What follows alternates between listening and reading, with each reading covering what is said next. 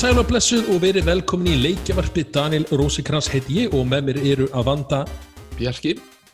Og Sveit Jæja, drengir, hvað segið þið gott uh, að þessu sinna nýja ári?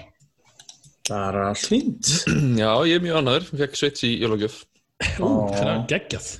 Og hvaða leikir eru svona uh, fyrir hjá þér svona til að byrja með? Þannig að Mario Odyssey fylgdi með pakkanum frá Leppalúð og Grílu geggjað, geggjað. Og ég var ekki lengi að bæta við sko, ég, síðan þá þannig ég er búin að eiga tölvuna í hvað, eina og halva viku þá er ég búin að kaupa mér uh, Animal Crossing. Svo kefti ég með Vacation Go sem er meira að hugsa fyrir krakkarna sko okay. og hérna svo var ég að kaup, kaupa hérna, hvað heitir það, Ring Fit Adventures. Það er sending á leiðinni frá Danmörku núna. Það er geggjað, það er svo rægt og lóku, það er bara, eh, já, Ring Fit Adventures. Að sjálfsög ég, ég er reynda með hann ekstra í kassa, ég er búin að prófa hann tveisar og ja, spurning hvernig maður að gera það sama, bara svona. Já, fyrir mig kefni Ég talandi um það, ég held að sé til einhver Facebook-kópi sem sem heitir Ringfit á Íslandi eitthvað, ég er bara, já nei, ég er ekkert að fara að deila mínus, mínu hérna markmið þar. Ég hef ekkert kíkt á hverju en, en, en ég ætla að koma með svona bold statement, ég, erna, ég held að Nintendo Switch sé e, besta Nintendo tölvan. Bara ever eiginlega sko af því sko þetta er eiginlega fyrsta sinn sem Nintendo, hvað er þetta, þrið, þetta er þriðja árið Switch eða fjórða, ég er ég alveg tindur þetta er hvort 2017, þetta er 18, 19, 21, er, er þetta fjórða árið núna? Uh, það getur passað, mér er ekki alveg með þetta á hreinu Já, ég er ekki svo að segja, það er svo að segja, það er þegar eins og við var að koma út, þá hérna komu leikir út og hún var bara uh, góð kannski fyrstu tvö árin en þau svo dala niður. Svo kom ekkert Super Mario Galaxy strax og svo vantaði seldaleg en jú, við fengum svaka nei, já, já, en vélinn seldi sem svo anskotinn súvél Já, nákvæmlega, Það ekki spílingurum var í góðum bílingi mörg ár. En ég held að sko Nintendo séu ná geggju tempoð með útgafi leiki allavega hjá sér, þú veist, þó að séu bara kannski bara þrý, fjórir Nintendo leikir ári. Mér finnst, mér finnst að mættir miklu meira. Þetta er Já, sammála því. Mér finnst þetta ekkert sambarlega sko ef ég er að hugsa um bara bestu Nintendo 12 ever. Mér finnst þessi geðug. Ég elska þetta þennan fítus að tengja auðvitað við sjónarspið og, og geta verið með handhælda. Ég noti þetta rosalega mikið sko. Akkurat.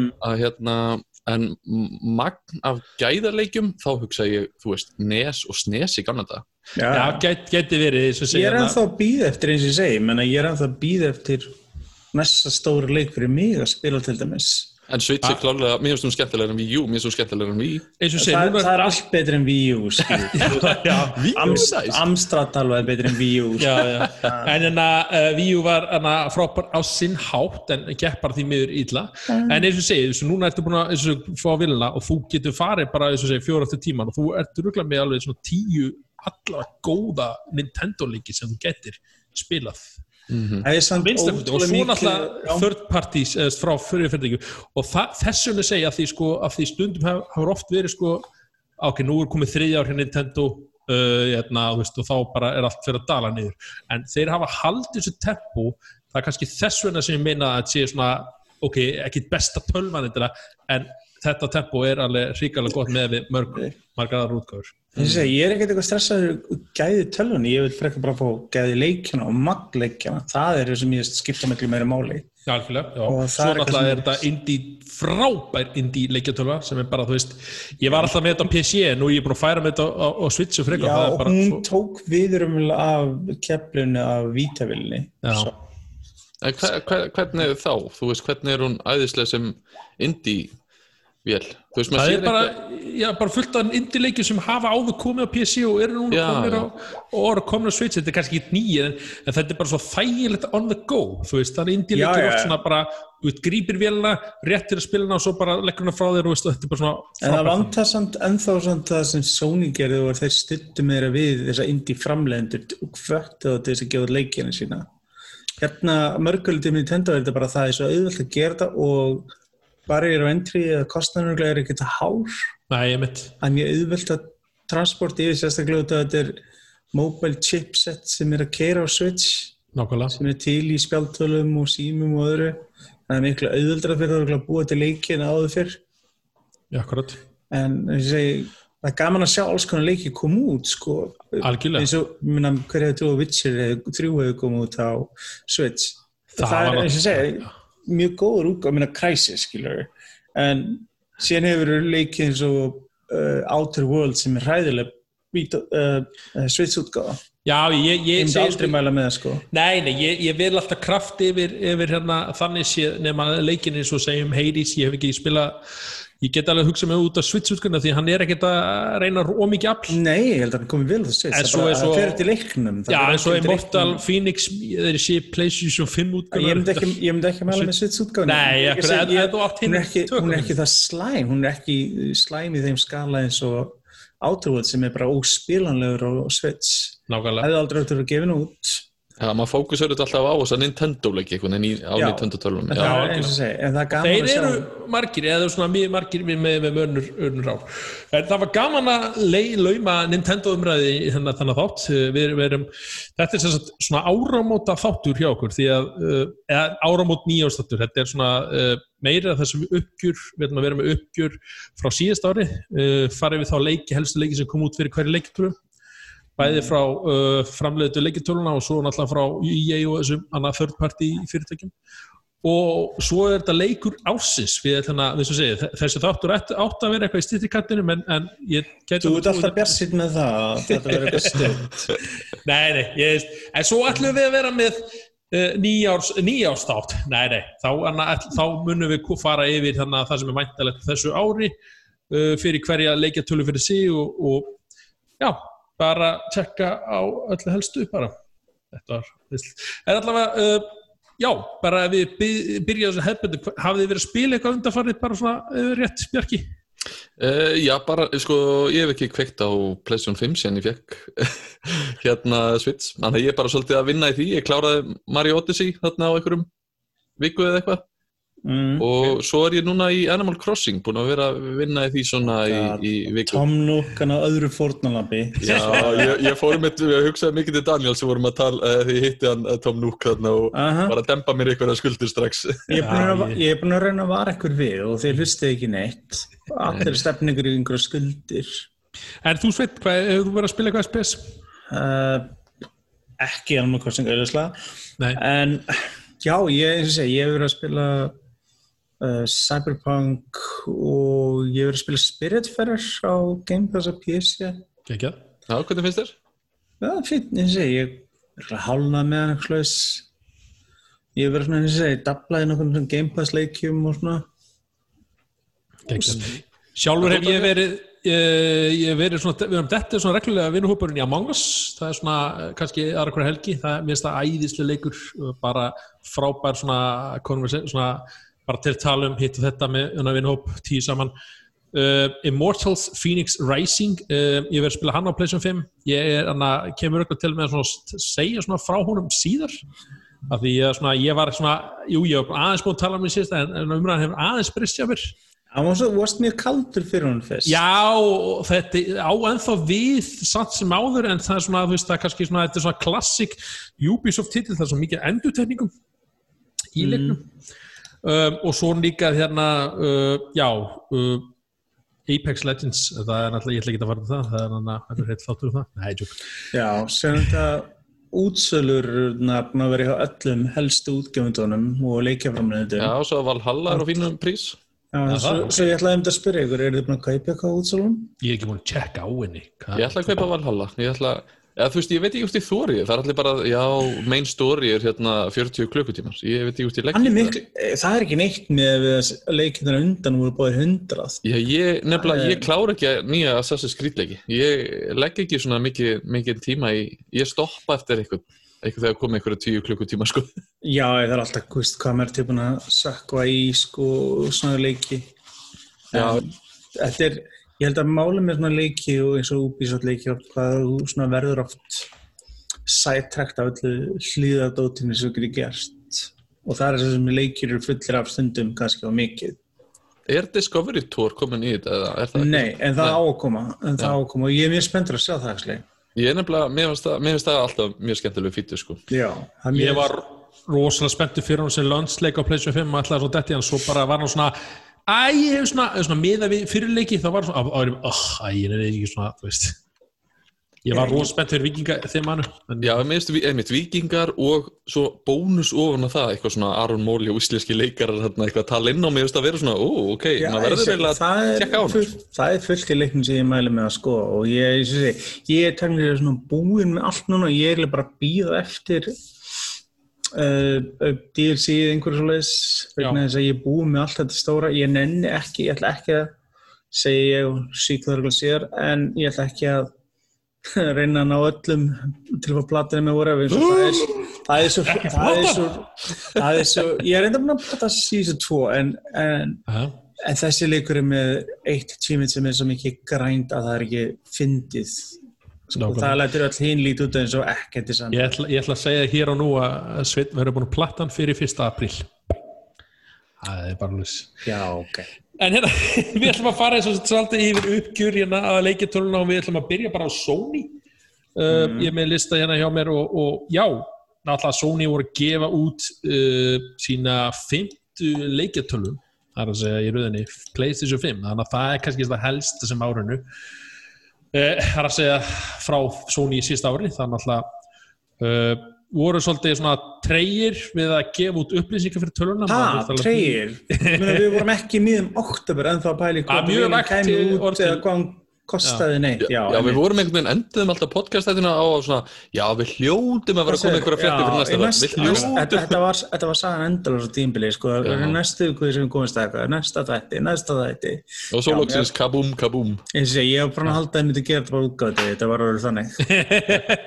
Já, hann er svona dreamcast stæl Var ekki dreamcast? Nei, Sega það var Se- Saturn Sega Saturn. Og með það Disaster Launch Já, en uh, þeir gáðu út náttúrulega alveg þeir slatt af átti, leikjum. þeir átti mjög gott ár í Já, ég myndi segja það. og jafnvel þó þú tækir ekki PlayStation 5 útgáfuna þá myndi ég segja þeir átti mjög gott ár. Já, já, þetta var bara mjög flott Sony ár. Ég, sí, síðast ár 2019 var svona allt í lægi minnum mig, þeir rettu sér Red Dead en þeir áttu nú ekkit heiður á því þannig séð. Nei, það þetta var 2018 Það var 2018 Ég er að ruggla gott að voru á spætum en á Red Dead uh, Já, uh, þau gáðu Dreams. Dreams náttúrulega komin þetta í early útgáfu held ég á Já, ég held að hann Já, en ég held að hann hafði tapabínu á því greið að kom svo snemm út árinu þegar leiðu árið þá einhvern veginn hvarfan einhvern veginn sem er sorgleitt um þetta er frábær leikur Já, Ég- hafið ég- þið prófað? ég- Já, ég prófaði hann, sko. Ég, hérna, Já, ég Mér fannst það vera aðeins og ég var að vonast til að hann væri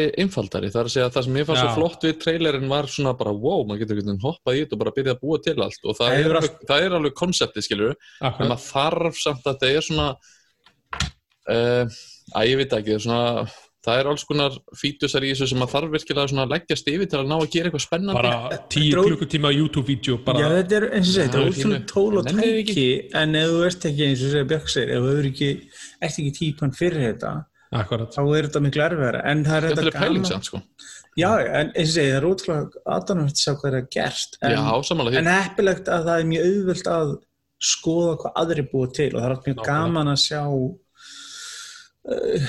hugmyndar ríki fólks hvað Mhm. mm. er að kreista úr tækninni oft maður bara heldur þess ekki hægt að geta eins Akkurat, þeir voru nefnar þetta einu podcast sko, uh, Kimfish og þá voru tala um sko uh, að því, eða, hvað, hvað langt sem kveiktur á Dreams, kannski sumar Já, slúið Já, ég held að, að ég hef ekki kveik, ég á hann ekki ennþá, en þeir voru að tala um sko núna, ef þú myndir kveikja í dag, þá myndir bara vera nokkuð með einn mindblown á því stóti sem búið er að búið til, ef þú, ef þú ert veist, þessi, þessi eh, þessi spilari að spila borðið bara það, Já, þá ertu að fara að sjá Sko, bara stjarflæri Það væri enda mjög sterkur leikur á Sony og margir er með búin að vonast þetta ef þeir myndu gefa út pleysinu 5 útgáð þeim leik. Já, það, það, þess það, að það, það, það myndi, bara, það myndi hjálpa leiknum mjög mikið myndi þess að halda ég held að sé að fara að koma átt að ári alveg, alveg, nokkuð örugur þessu einhver Það mjög- það væri mjög glata tæki fyrir að þið gerða ekki.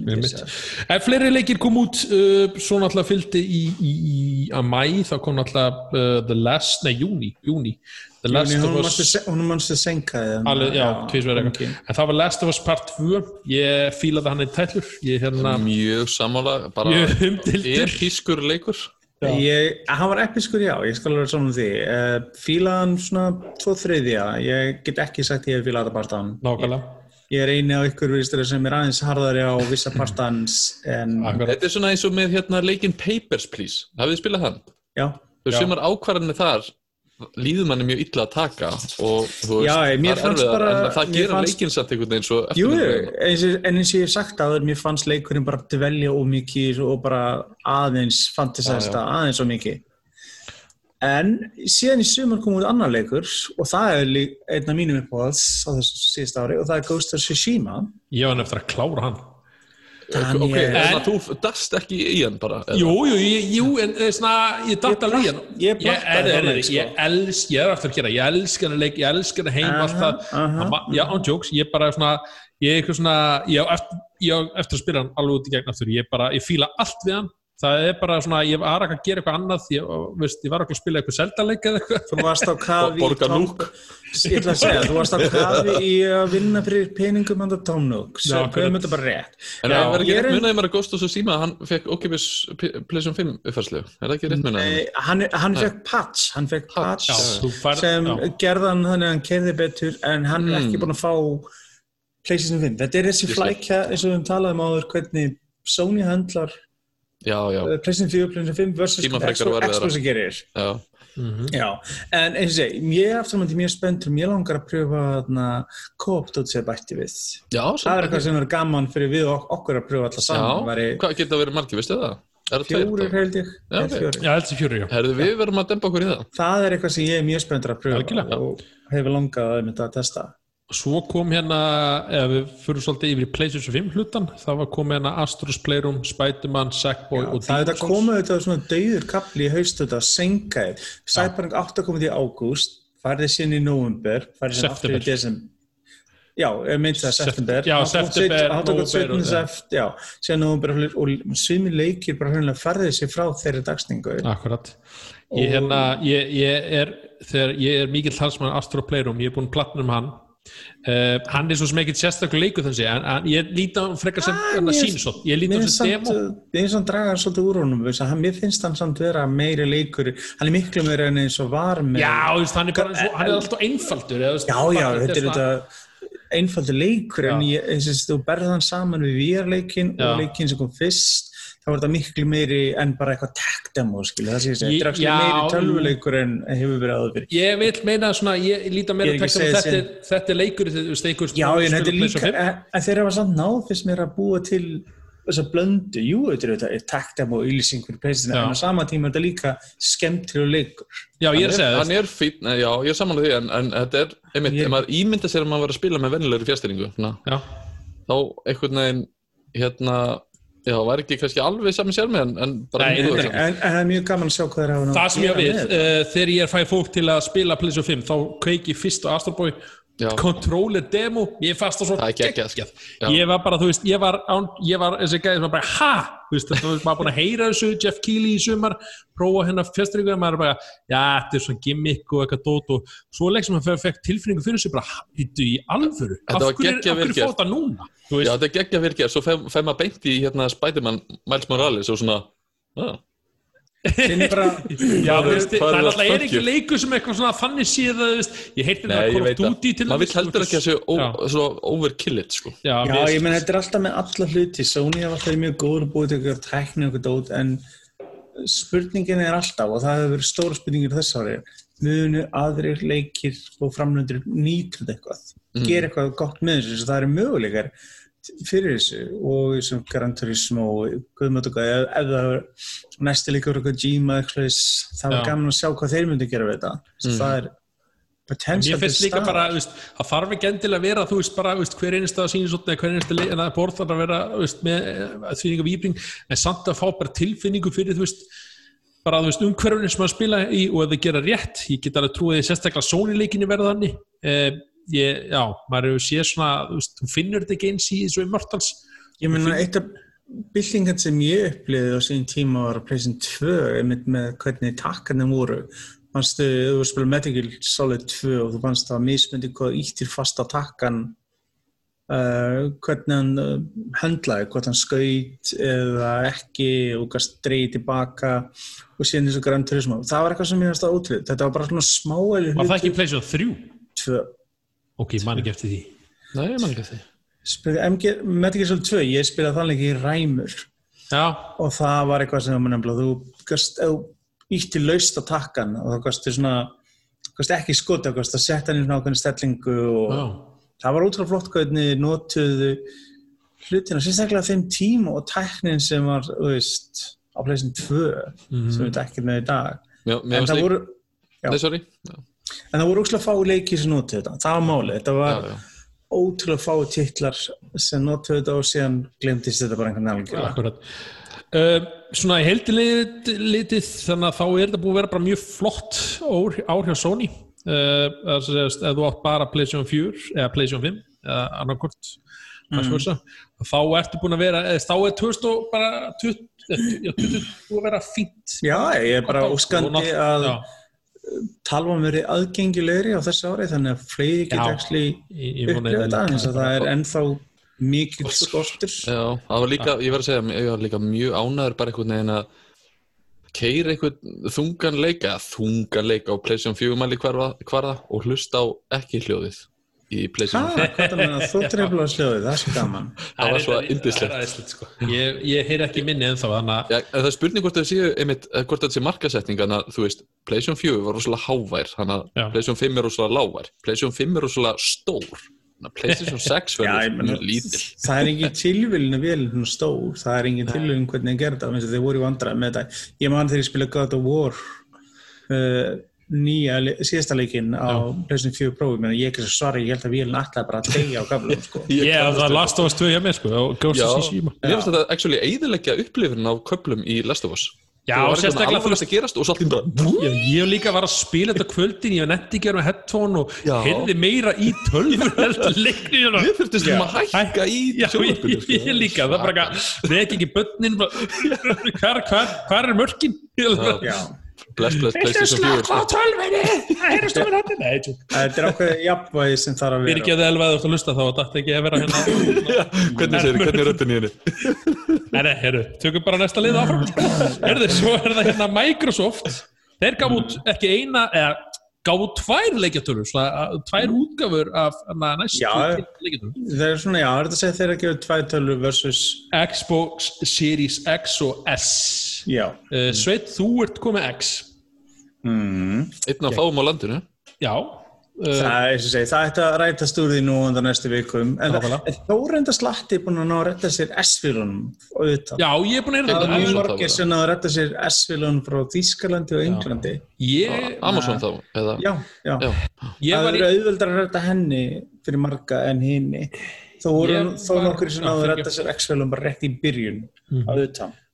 ég var rosalega spenntur fyrir S-vilni fyrst Mm. ég er svona að fá, ok, hún höfða til mín ég get spila gamla Xbox leiki sem ég hef ekki náða að spila, ég get spila þá hún kostar ekki það mikið Fjóra kynnslöður. já, akkurat, en svo fór ég að hugsa, herðu, já, sko upp á framtíðina, ég er náttúrulega á 4K sjóar þetta, þá er kannski gott að eiga X þú veist, þá hugsa ég, og ég, ég er tími alveg þar og svo fór ég að hugsa, æ, heyrðu, það stýttist ég þurfa að kaupa nýja PS-vél, ég bara æ, ég kaupi bara nýja PS-vél næsta ári þannig að þetta er búið að vera svolítið svona ég, veist, ég var rosa spennt fyrir S-inu fyrst en svo fær ég að það meira og meira og ég er svona eða komin að því að ég þarf að fá mig nýja annarkvæmt næsta ári já, og þá Vist, vill ég bara spila Xbox-leikin á henni út af, út af því það, ég þarf að leggja svolítið meiri kostnað, það eru alveg töf þrefald heldur en, en X-Vil, eða þú veist, á venjulu Já, þú ætlar að góða PS-stölu, það kostar ákveðt spenning. ég er að segja það, það er svona Það er Já, já, veist, já. Já. Ég, hana, ég, ef ég kaupin í skjáku þá þurfum kaupin í örgjör og móð Já, já. og ég er það, ég, ég, ég, ég svona, Þetta er þetta skemmtilegu er þessi keðju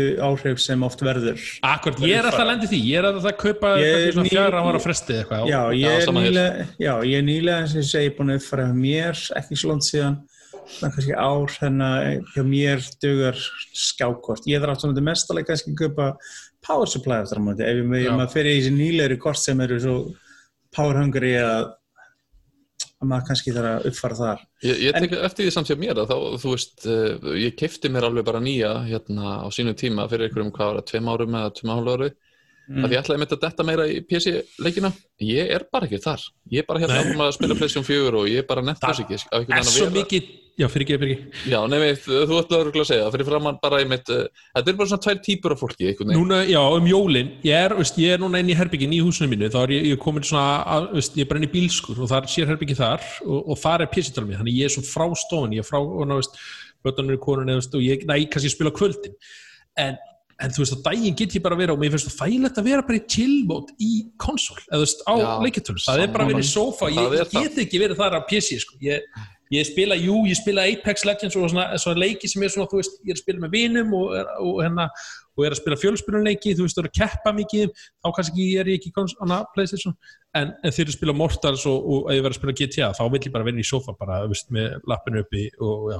Já, ég, ég á sammála, PC þó að þetta væri hérna 85% af því sem ég geti fengið í PC, þá bara einhvern veginn velj ég stellingun í sofanum það Það er, líka, það líka bara vinnan. Ok, þú getur fengið mikið þessu fítur sem að vera með uh, fjastringu þráluðis og upp í sófa og alla pakkan en að koma PC-tölu í sambandi sjónvarpið og alla þessar fítur það er meira en að segja og það er ótrúlega mikið dæmi. Í staðin fyrir leikjartölu sem bara stingur samband og kveikir á og búm, tilbúin. Já, já, og það er eins og segi, meira en að segja stundum, og ég skil þessi já, það er ekki þægindi til neitt sem heitir PC Master Race, ok?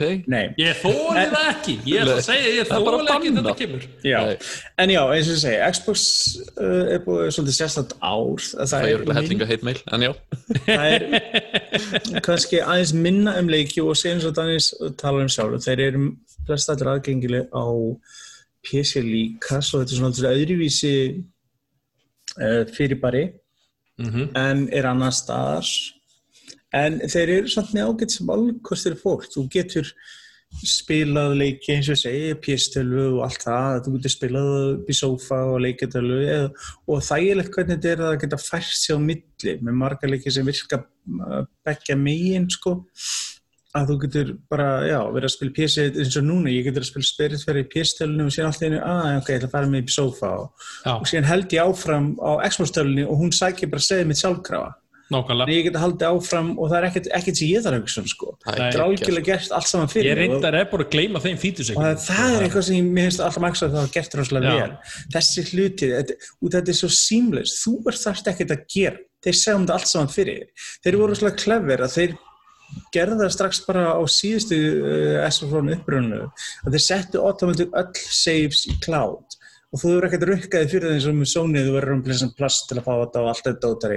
Það bara var automatic þannig að all save voru sjálfkrafa þannig að sama hvað þú varst, hvort þú varst í Xbox upprunlegu Series X hverju sem er, eða PS-tölu ef að leikurinn stutti það þá bara automatic dinguði save-in upp eins og ekkert væri Mhm.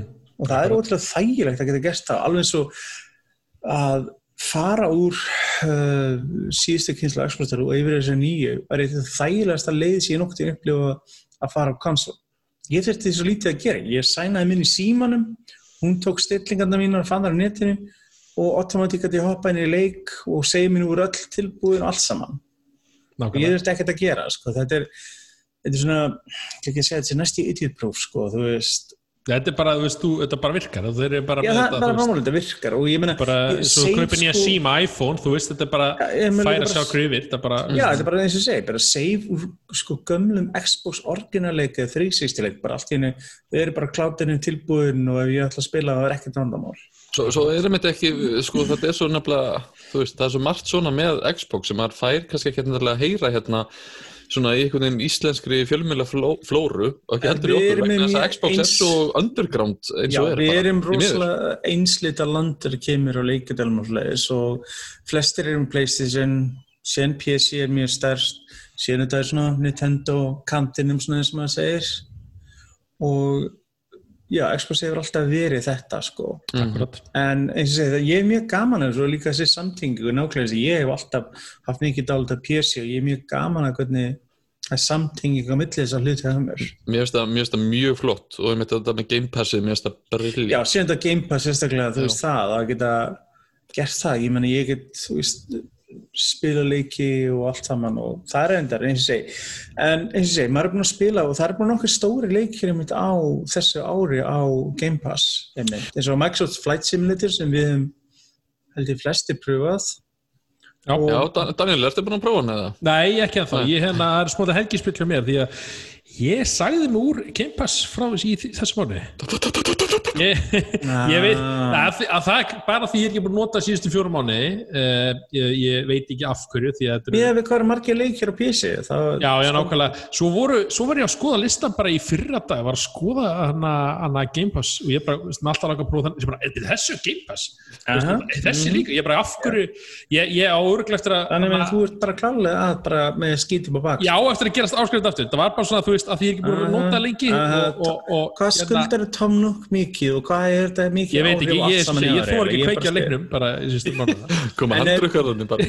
Þekkjandi Tom Nook þá er nörgulega að safna vöxtum þó þessi slögt Herðu, þetta er einnig vakstalust lán Já, já, já, já, rétt. Það, það, það virkar alltaf segir hann sko segir hann já Já, en ég, ég, ég hafði mjög gaman af Microsoft Flight Simulator. Það eina er bara gallin að spila á PC, þú þarft rosalega kraftmikli tölvu til að njóta Já. hans annarlega. En maður ætlar að fá hann fullum, en þetta er líka rosa flottur eins og þú varst að, að fljúa þarna um Ólasfjörðin. Já, Það var bara einmitt að bara Eins og segi- geta farið á svona afskekta staði á Íslandi einhvern veginn og það er bara svona þokkarlega vel gert og einhvern veginn. eins og Það eins og segi, eini brandarinn eins og bara með Íslandi yfir höfuð, við kannum spáði við þetta, alveg svo þurfum að fljúa er að órinlega mikið trjám fannst mann alltaf bara svona. Já, já. um, Já, Og fyrirgefur húsin það. sk svolítið skrítin, þú veist, sem er rosalega iconic á Íslandi en maður, við erum þetta að fá með þjóð og kannski lítið. Ég er mjög spennt fyrir að pröfa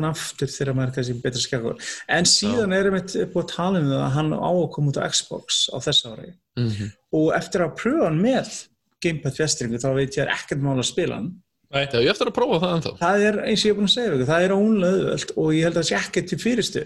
Og ég held að eina vandamáli raunverulega að keira á Xboxinu væri að vera að keira á eldri Xboxinu. Ég held að hann myndi ekkert koma rosalega vel út. En að keira á nýju Series-vélunum, ég held að allt annað mál. Fyrir þetta reyndar hann eitthvað huge, stórt installs á honum. Það er eina... hvað var 100 og eitthvað, 100 rétt yfir 100 hann- gigabæt hann er og hann er streaming. hann er búin að grafa sig upp í 120-30 þetta er svo cold, hann er ekki slemur cold duty leikur en Modern Warfare dæmi sem er bara í En Warzone maður sem, skilur þetta.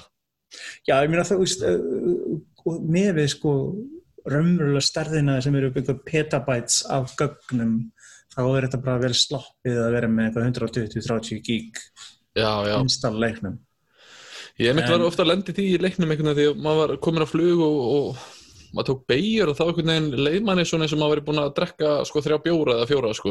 Ég var einhvern veginn farin að það var erfitt að ná tökum á vélinni sko Já. og þá var ég að nota liklaborðið. tala ekki um þú varst kannski búin að drekka nú tóða þessu leitjum Já, eins og segi, þess vegna er þægilegt sko, ég, ég meiri sér búin að ég meiri sér búin að pröfa núna að spila með stýrpinn og því ég kefti rándirinn stýrpinna í gre- góð hyrðurum en daginn á 500 kall Nó, og bara græn gamer. ég, ég er enn alltaf að spara og líka að spara sem pening, ég menna það er um að gera.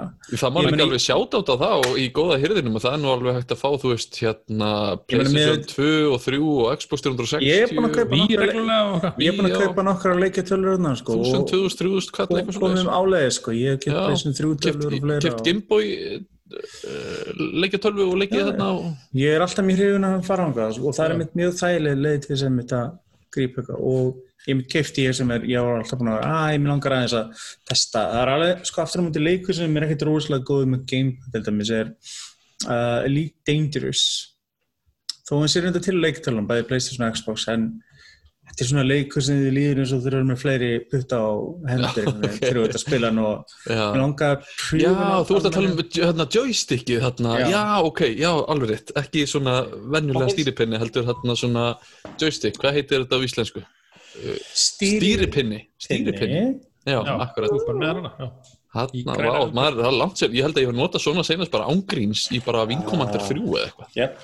Ég spilaði einmitt nokkra svona leikja sín tíma einmitt sem er svona en ég hef ekki átt í nokkuð verið ár svona dæmi en ég er svona, að við getum fundið þetta út þá er ég til að hoppa á þetta. En ekki, þú veist, ég var ekki tilbúin að fara í 10, 15, 20 skallin eða hvað þá þegar liður að kaupa sér fyrir þessu Nákvæmlega. stýripinna og það er með einhver hótaskræðu og þú veist, þú þú sökkið svo djúft í þessu með þetta Mhm. og síðan hvað þarf bara að blanda saman VR og þessu og þá bara, ú, bara En já, svo við snúmum við rann aftur já. Eins og við segi, það komu út uh, leikir eins og and the Will of the Wisps með framhaldi af uh, Eiga. Microsoft fyrirtækið eða? Uh, Eða var það bara- Mér langar að segja já. Mér langar að segja þessa Það er enginn okkur prófað henni það en, en Ég hef ekki var nýja, mjög- en Ég er búin að pröfa aðeins uh, nýjútgána, ég var alltaf forðin að sjá skildi það sér til að Switch líka og Já, hann er bara mjög, keira mjög vel á Switch. Já, það er ótrúlega flott að sjá að það er einmitt leikur, Bjarki, sem væri bara gott að vera on the go, þú veist, svona í Switch handheld, það eru Hann kemur að þetta. út úr samstarfinu hjá með Microsoft Nintendo útgáfa. En eins og ég testaði hann aðeins, mér langaði að sjá þess að þú veist, þeir eru með, voru með okkar svona nýjar stillingar og svona gæðastillingar fyrir þarna, þeir nýju vélarnar, Series X, þannig að keist hann í uh, hvað, 4K 120 rem á sekundu og ég man ekki uh, 6K, þú veist eitthvað og downsamplara niður og eitthvað svoleiðis. En já, uh, mér skilst að stúdíóði sem gerir á eru, eru independent. En þeir eru samt nei, nei, ok, 2000, fyrir ekki 2011 became Microsoft First Party. Ok, þeir voru keftir sem sagt. Fyrsta Fyrsta- fyrir ekki bara sem er að voru kiptir Microsoft. Nei. Já, þau eru svona eins og hlut, hluti af starri kaupum. En svo kom hérna Gears Tactics sem er svona anda hérna XCOM. Já, það actually Ég hef ekki spilað hann. Ég hef aðeins testa hann, ég, er búin að vera með það svona tassarlistunum og vera að pröfa hann. Hann er, kom fyrst á PC og Er ekki nýtt komin á Xbox, já. jú, hann kom síðan út á Xbox útgáfunum þegar að vélarnar kom út, bæði PlayStation Xbox, þegar það Alveg var. rétt. Þannig að, sagt, en mér langar alltaf að testa en ég held ég vilja frekar frekar spila á PC, en, en mér skilst hann sem mjög vel hefnaður svona Xbox, XCOM leikur. Ef þið, fyrir þá sem hafa gaman að hana taktikarleikjum, alveg svo Mario Rabbids leikurinn er XCOM leikur, sem er alltaf fyndi að segja, Já, já, akkurat. en um, þá er þetta mjög vel hefnað í slíkt dæmi. En lík, leikurinn sem ég er mest spenntasti fyrir sem kom út núna á Xbox og PC er uh, leikurinn Grounded sem, sem er í early access sem ég hef þetta keift að mér langa að stiða við hann og hei, spara sér peninga áður en officially kemur út og þá kostar hann meira. Um, það er bara verið nokkuð skemmtileg leiki sem hafa verið í early access á Xbox og PC eins og hann og Deep Rock Galactic og fleiri leikir sem hafa farið í gegnum þetta. Og Everspace líka. Akkurat. en þetta gerður af hverju, okkur, stólum er allt í einhver gerðinleik þetta er sömu guðurinn að gera Fallen Vegas og Outer Worlds. Já, þetta er hana, mann bara eitthvað heit- allt í hennu og? Microsoft, og, já, og Microsoft kefti á? Eh, já, og sem, já, þeir, þeir eru að gera hann leik. Og ég er svolítið spenntur að sjá hvað þetta hann fer.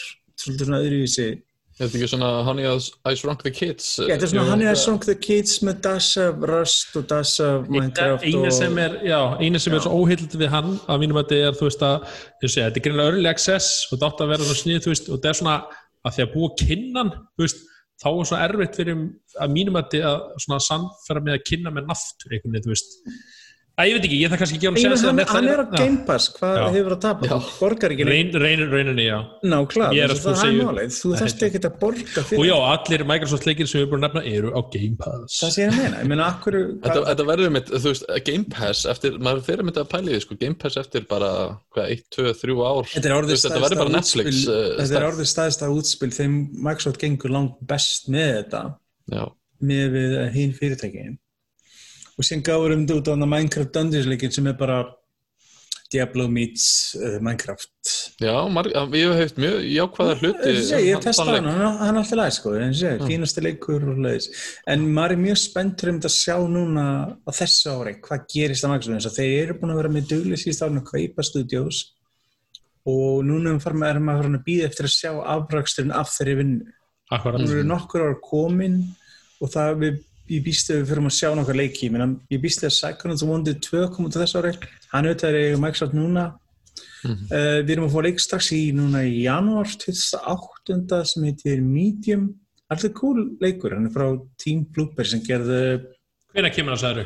2008. janúar. Já, uh, Team Blooper sem gerði Layers of Fear leikina og uh, hvað er leikur með Röggarhafið sem ég var að kíkja bara síðan daginn Vá, hvað er minn aftur? Ég þúl ekki þetta dettur úr heilan á mér nei, nei, ég er ekki alveg með það En já, sérst, þeir eru að gera og mér finnst þetta cool sko til að vera svona uh, skipting á melli heima og þú ert að vera, þú veist, fara á millera og þetta er eitthvað svona leikur sem mér líst mjög vel á því að sjá kynntan fyrst. Hvaða leikur aftur? Hann er medium. Já, medium, já, alveg alveg. Yes. Hann er Og gerður Xbox, hann að, já. Já, og hann er einmitt eins og segja, hann er að koma núna 2008. hvernig þess að downloada hann þegar og, Á PC og, og, eða ekki, og já, PC og Xbox og na, eins og segja, 2008. Það virkar mjög cool og virkilega flottur og getur verið svona, eins og segja, önnur uh, skemmtileg viðbútt í Game Pass flóruna. En já, maður sem segi, maður er mjög spenntur að sjá hvernig útgáðan verður en það þurfum ekki svona að stíga fótinn pínuður ætla að halda við gæða útgáðuna sem einmitt hefur í gangi hjá Nintendo. Nei, Sony mynd ég. Einmitt.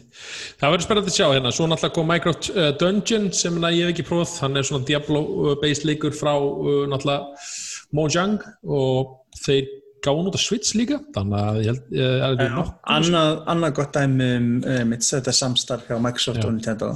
Er, ekki, er hann kannski líka á PlayStation, mann ekki? Mm, eh, jú, hann er komið á allt.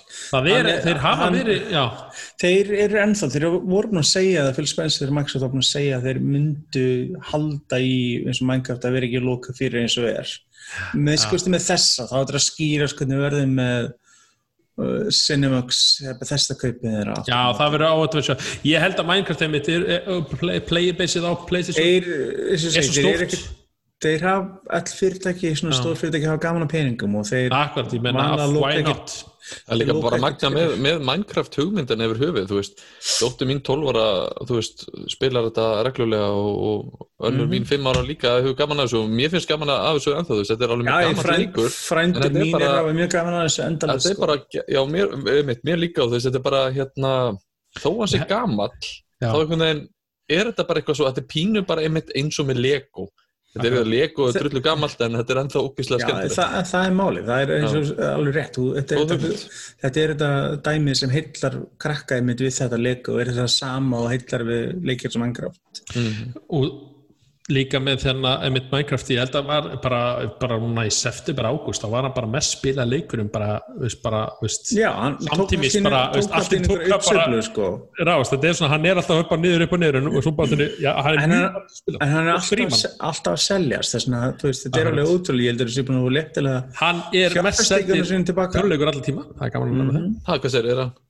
Mest seldi töluleikur allar tíma. Já, ok, ok. þannig að hann er ennþá seljast þannig að Já, ég heldur áfram og, á halda áfram árum saman. En maður sér að mynda á topplistum á, á þú veist, spjaltölunum og þetta, er ég á einmitt með hérna pubquiz þá var hann einmitt með svona hverju, hverju fimm sögulegasti leikinir þá var það einmitt hérna Minecraft og GTA 5 er nú 2 Tetris var nú með 3 uh, langar að segja Wii Sports var nú með 4 fylgdir þetta með tölunni Já, og, smá svill. og Það er svona- það er PUBG alltaf komur óvart, hann var í 5. set Það er vegna þess að Er það það er ekki búið vegna að breytast? hvenær var þetta? Það? Þetta var bara, ég var að gera þetta í sístu viku sko. Þetta er sagt Wikipedia ég, Ok. já, 76 miljón eintök seld af af PUBG, það er hann að Það er- það var er Ég var óvart. Royal leikurinn hann- að er ókipisleikir, þeir eru þá ekki teknið með þetta? Nei, nei, nei, nei. Nei, nei, Þannig eins að og, eins og Fortnite til dæmis. Nei, hann, hann, eins og hann er frí þannig að það er Já, það er, já. má- það er málið sko sem sagt að PUBG er svo gríðarlega vinsall í Asíu já, það er ástæðan sem Mm. uh, hann er miklu stærri þar en Fortnite þess, þess vegna eins og segi sem hann er á lista vegna þess að hann er að selja svo mikið þar. Má ekki vannmeta Asíu, sko. Það er svakalega markaður. Ég held að að- ég held að Nintendo séu kominir inn í með Switch með, inn í kínamarkaðin það er bara engin tölva selst já vel held ég á Switch það, það er líka þú veist, svo rosalega erfitt að fara gegnum markaðin í Kína og algjörlega. Var bara regluverkið á kommunistaflokknu þar sem þú veist að vera gegnum og beigja vinstri hæri Evo Online er nú uh, í Kína. Hann er kína, ok. Hann Já, og enda líka á vanlega sér server. Já, eins og nákvæmlega svo segir. Ekki tengdur Þú öðrum. þarf alltaf að vera sér-server en saman með World of Warcraft og allt það, þú verður að keira þetta sér-server hjá öðru fyrirtæki og allt saman. Já, Tencent Nei, tjók. uh, Þetta var sem sagt svona helsta frá Microsoft uh, 2020. Uh, við væntum þess að þetta á restan verði hérna, við eins og mistum að Halo hann er að koma út bara einhvern veginn í, ég ætla ekki fara mikið að gera á nóvubur á næsta ári, Já, en þeir- næsta haust. Er það ekki bara fínt í staðan fyrir að fá eitthvað Cyberpunk uh, Round 2 hérna? algjörlega. Ákvaðu að taka þetta. Ég er ekki að vona að þeir canceli original Xbox One útgáðinni og gefa hann bara út á Ah. Series S. Já, það væri, það væri já, Ég- fara ekki þess að cyberpunk leiða en að að þurfa, Ég held að sko, ég meina, ég er ekki samfæður með sáleikur myndi komið upp illa út eins og það búið að vera með Cyberpunk þrátt fyrir ef hann kemur út á eldri hardware, ég held bara það verður hægt að gera miklu meira með hann ef þeir skipa elsti vilun þó Já, ekki bara að þeir myndi, alveg á þetta nýjasta. Þó ekki sínum að þeir myndi segja herri, hann virkar á Series S og X og One X kannski, sem er eldri vilun en Akkurat. ekki upprunlega Xbox kannski. Bara En- það eitt og sér myndi hjálpa til. Við ætlum að geima þessa umræði samt hérna, höldum áfram með hana í næsta hætti því þá ætlum við að fara svona yfir helst það sem er væntilega þessu ári. Uh, og núna ætlum við að taka fyrir Nintendo uppgjörið það er að segja á þessu ári uh, já, komu einhverjir, fáir Nintendo titlar.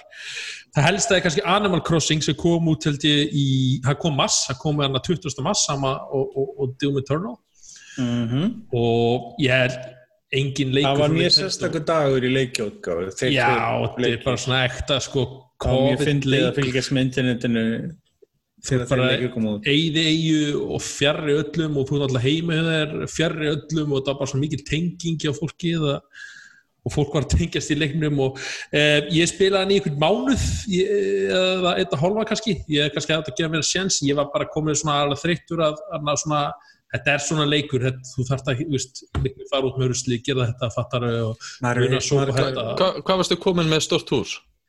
Ég mann það ekki, ég var reglega búin að uppfæra það kannski, mér langar að segja, þú veist, þú færð svona grunninn, svo kannski farið, já, ég var, ég var komið hús, Hús? ég held ég var komið tvö herbyrgi eða þrjú, Ok, ég er bara með Ég- hús, ekkert já, já, já, svo færði herbyrgi, ég held að það var tvö, þrjú, ég var svona, ég var á því leiti, ég var svona, æ, þetta er orðið meira svona tjór, þú veist, þetta er svona dagsverk en að, að, þú veist, þannig að hann var ekki alveg að höfða til mín, í, þó ég mér langar rosalega að gefa hann sens og gerði, Þú veist, að ég er að tala um fólk er mikið, mikið að í dag og bara veist, komið vel yfir þúsund tíman eða tvúsund tíman þú veist, á, á hérna á hérna Animal Crossing. En ég svona þurfti að slíta mig frá hann og þá tók mér einhver viku fekk alveg frákvæmsengin og allt og þetta alveg bara ég ætla ekki að ég, svindla, ég svindlaði aldrei leiknum heldur veist, ég vildi aldrei gera eitthvað timeskip og, og mér fannst það bara svona ef ég myndi gera það verði hérna að fara úr, úr vægi leiksins að þannig að timeskipa eða fara fram í tíman og Ága, út aðeins og. Þe- þessi, þessi leikur, hann samt sko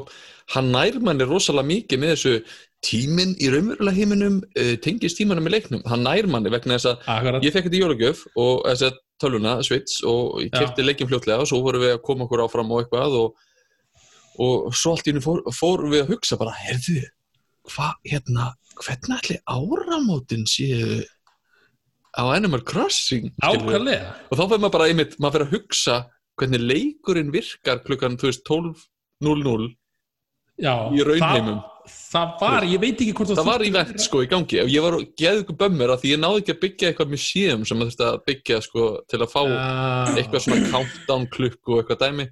Já, en, en einmitt hérna, ég er ekki komin búin að spila eins lengi og þú en ég veit ekki alveg hvernig það virkar en, en, en varst þú einn á eigin eða varstu með eitthvað samspilara?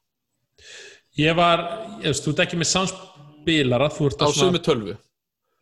Nei, ég var ekki með það, nei, nei, Nei, við erum nefnilega fjögur að spila. Ok. með það- sömu eiguna með sömu eiguna, það er bara hægt að vera með eina eigu ok, það, það er ekkert annað í bóði sko. Ah, Nintendo. og, og, og, og, þá er einmitt sko óvart völdu við einhvern veginn að 12 ára dóttur okkar væri resident, representative eða hvað, hvað heitir þetta?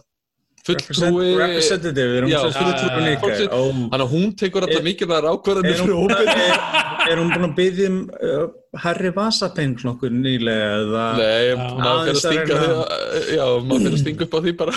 Ok, En- ég en þá til dæmis, þú veist, ef, ef, ef kona mín sko, kona mín elskar hennar leik. Ok, Dó, dóttir mín, hún fílar hann í klessu.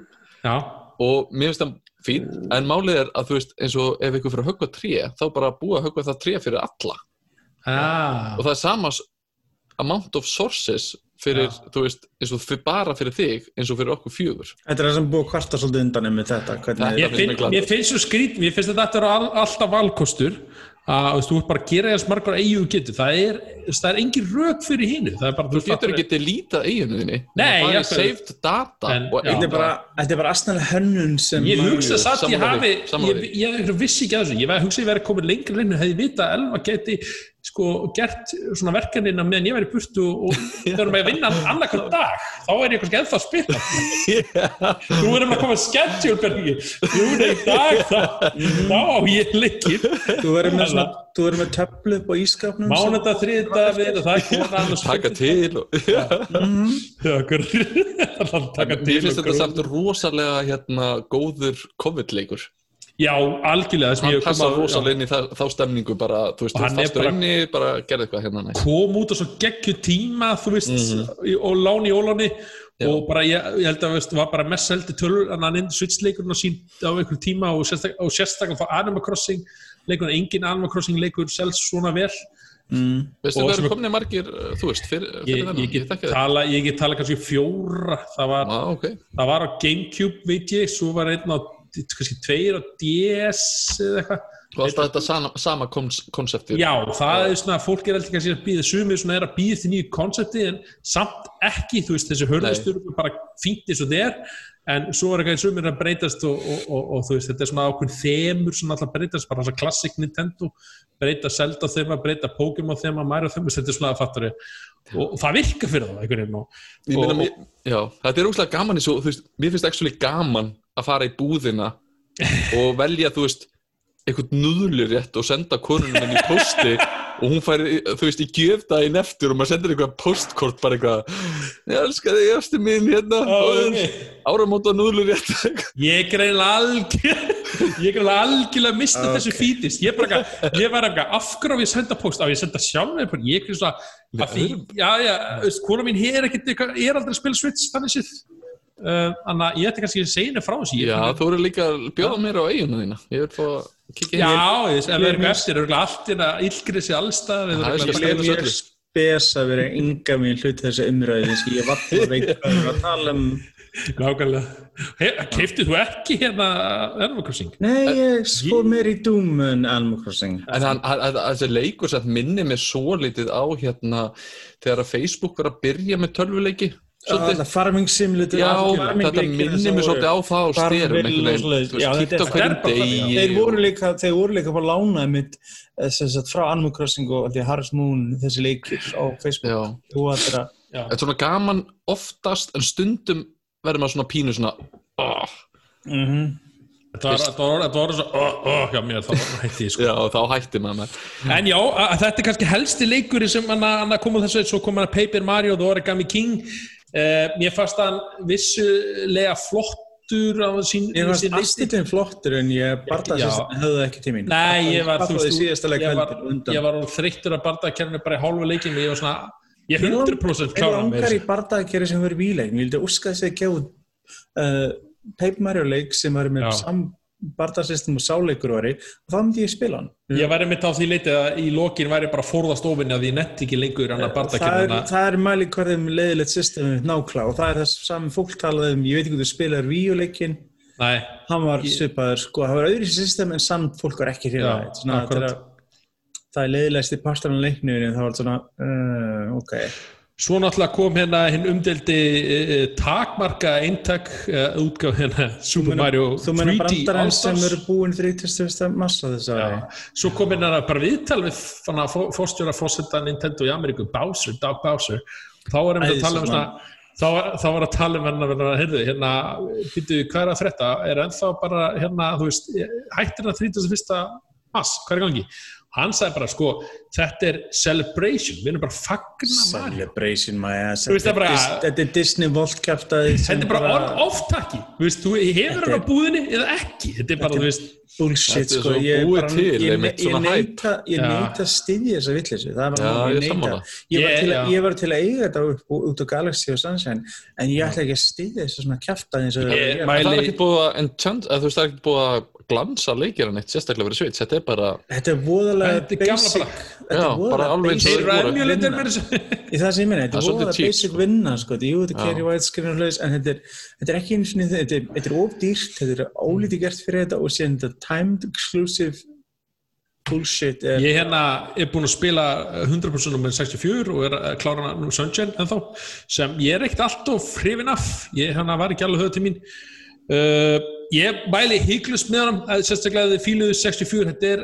alveg geggi nostalgíu part og, og, og Sýnir sig muninu mér, ég hef meira áhuga á Sunshine og Galaxy nokkuð tíma 64 já, ég held að ég 64 held, er batsins tíma hressilega. 64 er bara svona nostalgíupartur. hann er merkilegur fyrir hvað hann gerði á sín tíma en ég hef engan áhuga að spila hann í dag Þetta er bara því að ég var minningar af í borðin þegar ég var lítill, það var oft að pyrra mig, bara, veist, uh, Sunshine, ég, er svona, ég voru að ræða þau félag mína, uh, eitt segi þetta var bara, bara geggja leikur, einn upp á leikurinn á sérunni, uh, ég, já, ég, spilaði, spilaði Galaxy 1-2 sem eru mínir uppáhaldsleikir og svo Odyssey og fór svo í Sunshine.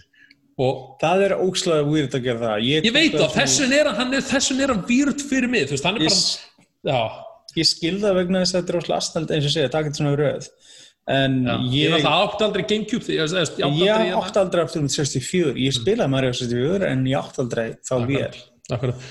Uh, ég skal segja, kostar 60 dólar dýrpakki en, en, en vel penningar verið ef þú ert tilbúin að fara í alla leikin aftur og, hérna, og spila Já. og kom hérna í lokin bara í nóvumber Hyrule Warriors Age of Calamity það er þessi hérna- leikur sem ég er spenntur að spila. Það er þessi leikur sem ég langar að spila. Já, þetta er meira Hyrule Warriors leikur í Breath of the Wild stílnum, bara eða algjör klón og, og líka þessi sagan á að vera prequel af.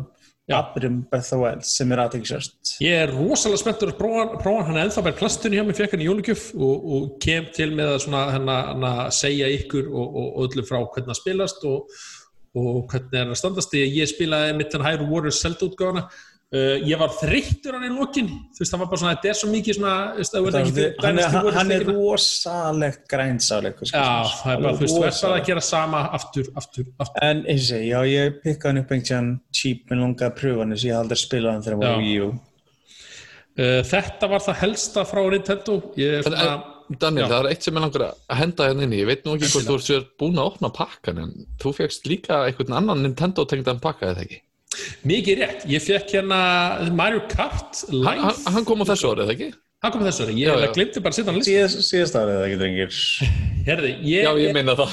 já, já, síðast Ah, ári það er alltaf, alltaf nýja ári Já, eru eru ekki að taka um 2020? Hvað er að gerast? Nei, nei.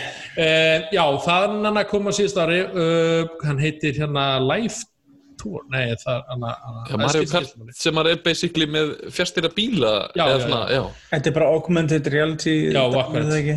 Ég er ekki búin að opna hann og það Ok. er viss, það er, að, ég, ég er Þú veist að maður á að opna ekki? Nei, sko, það er, það er eitt svona... Nei, ég bara tjekka sko, þú veist Ég fekk hann í jólugjöf frá börnunum mínum og, og það var hérna uh, það var svona skil, eða svona ekki, ekki skildið, hún var sagði sko það var bara Luigi útgáðan til ennþá en Ormsson sagði eitthvað þau fengu mögulega, mögulega Mario útgáðana bráðlega, ég Já. geti skiptinni mér langar meiri Mario útgáðana Býtu, fær maður þá annarkvæmt eitt bíl, eða fær maður eitt bíl Ja. þá? eða? Já, þetta er, þetta er Úr, alveg uh, 20 skall pakki Þú eru að kaupa en þarf maður ekki tvo bíla? Eða þú vilt er two-player, jú.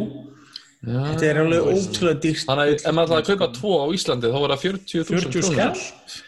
Þetta er vesen. Er þetta, Þetta er mikil, ros er þetta álagning, mikil álagning fyrir Nei, hann kostar 100 dólar úti, sko. Það segi, Þetta er rosalega skemmtileg og sniðu pæling sko, en einmitt, ég er forvitin að vita, mér langar rosalega að vita hvað þú hefur að segja um þetta.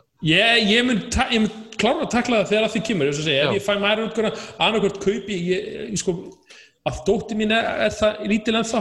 Þannig að ég, hún er ekki alveg búin að fatta. Ég held þú þurfi líka eiga tvær svitsvinnar af því að ég veit ekki hvernig það ætlar að spila af því þú er náttúrulega í spilastu svits Oh god. Eða þú veist hvernig ætlar að spila þetta en hvernig ætlar að spila þetta öðru sér því að ef þú pælir í því, ég veist að þú ert að horfa á skjáin í Switch Mario og Luigi þá þarf það mæntilega að vera með tvær. Þannig að ég er ekki að fara að gera það. Það- ég, ég geimi að kaupa hitt á móti. Ég verð hérna, Já, þá við tökum, þegar COVID er anloki og við erum báðið konum við bólefni þá hittist við, tökum bara rútt í smáralindir í setjum ykkur starf hérna. Jesus. Þetta væri rosalega nákvæmlega. Herði hérna, já þetta var svona helsta frá Nintendo uh, gott og mittist á þetta, Anna Bjarki. Uh, við munum fjalla um Anna já, Home Tour eða hvað hann heitir Mario Kart leikin uh, við erum með hérna við ætlum að vera með hérna, sem sagt, hérna uh, hvað heitir það? Hérna svona tilnefninga fyrir þetta síðast árs, leikir ásins uh, ég ætla, ég ætla bara rétt að fara hratt yfir third party leikina.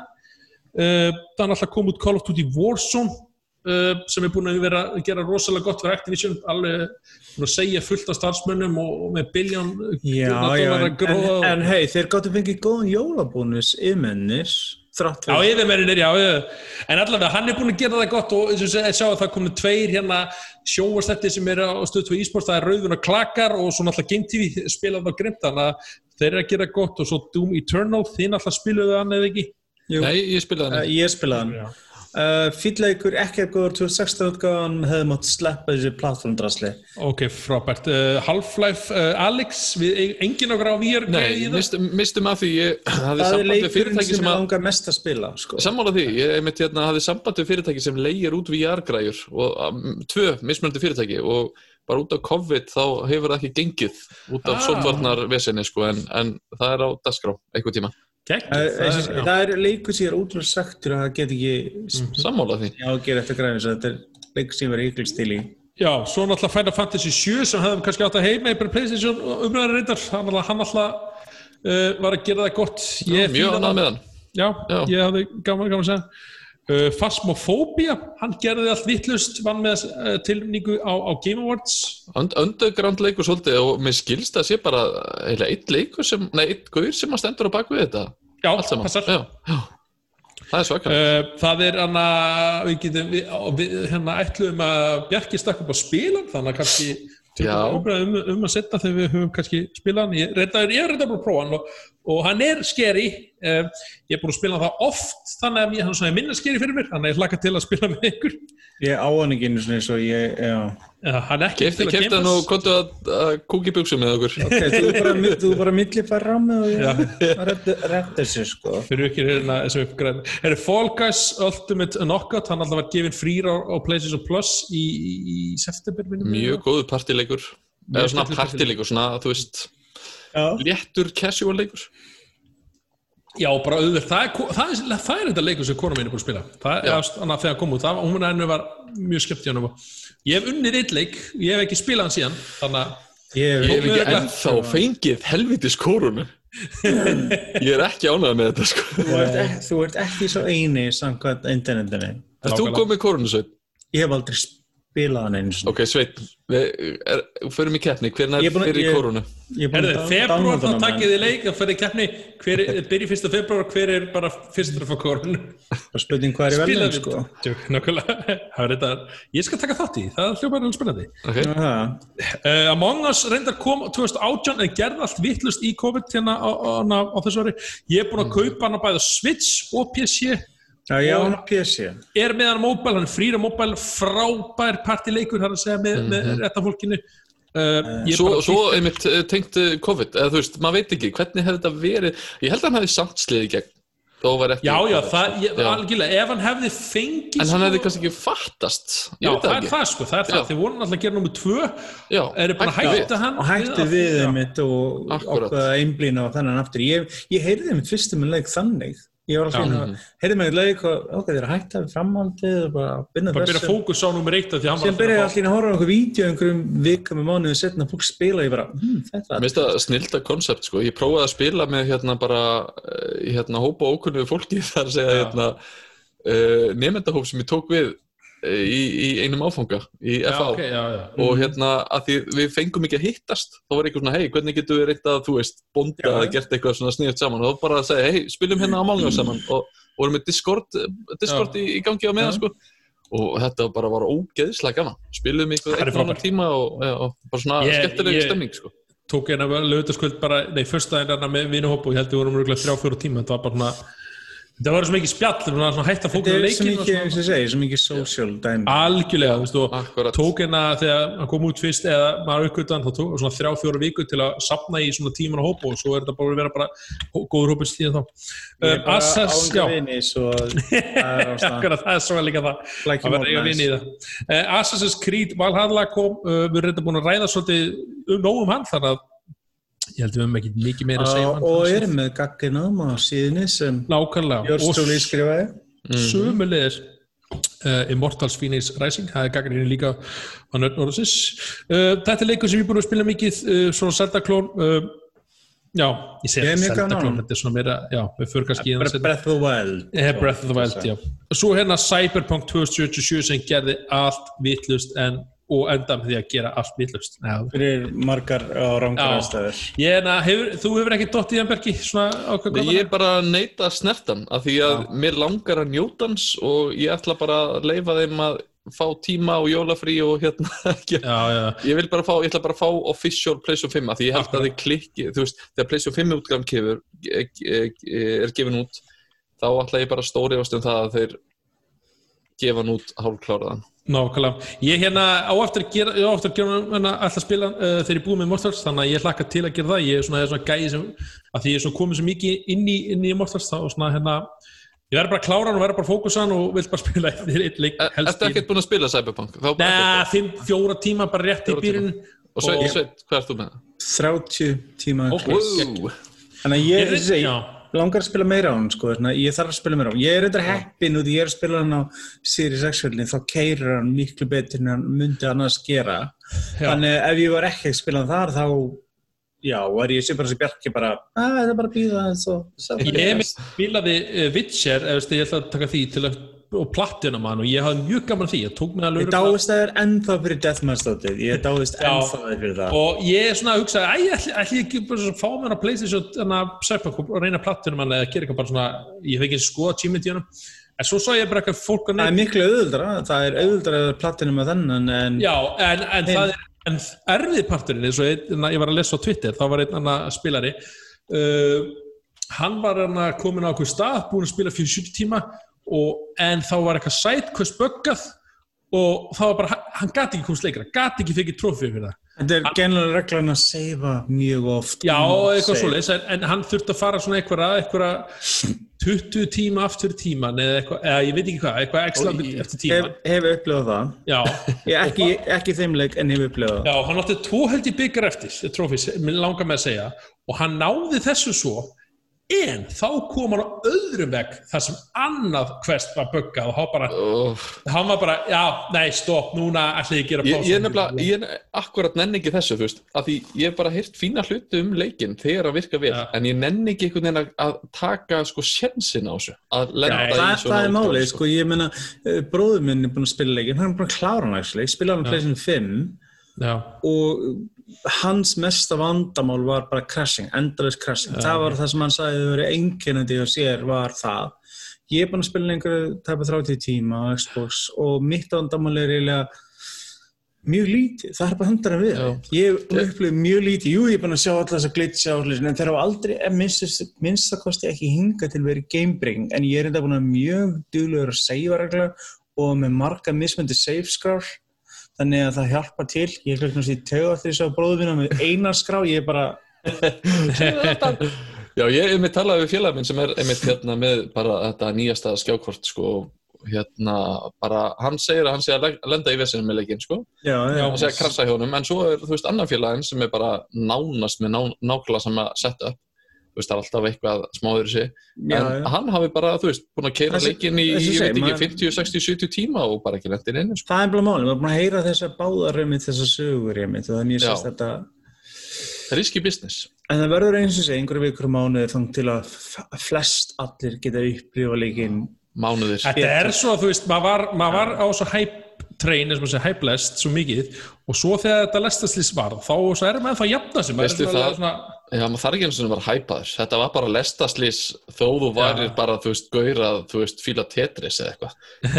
Þetta, þetta er bara ljótt mál. Já, ég veit það, já. En við vorum búin að taka fyrir það í öðru þætti, þannig að við ætlum ekki að vera mikið meiri í nei. með það. En já, þetta er uh, mikið leikir þáttur uh, en ég ætlaði mér, en það er bara ægislegt og vonandi hérna bara þið hafið mjög gafnað.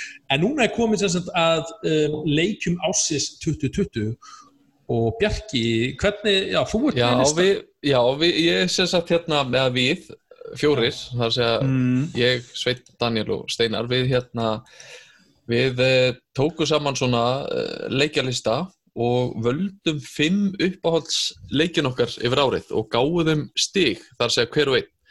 Og ég tók þetta saman, hann að, uh, og plúsaði þessi stig saman, þar að segja, sko, leikinni sem að fólk var vald í fyrsta sæti fekk fimm stig, öðru seti fekk fjögur stig, uh, þriða seti þrjú stig og svo framvegis, niður í fyrta seti fekk eitt stig og svo bara eftir það var ekkert annað í bóði. Já. Þannig að ég er með svona topp uh, fimm lista okay. í, sem, hvað kom út úr þessu og það er kannski svona fútnót með þessu. Fútnótið er að það hafið þetta ekkert, við höfum ekkert spilað alla leikina. Ég er til dæmis ekki Nei. búin að spila Cyberpunk.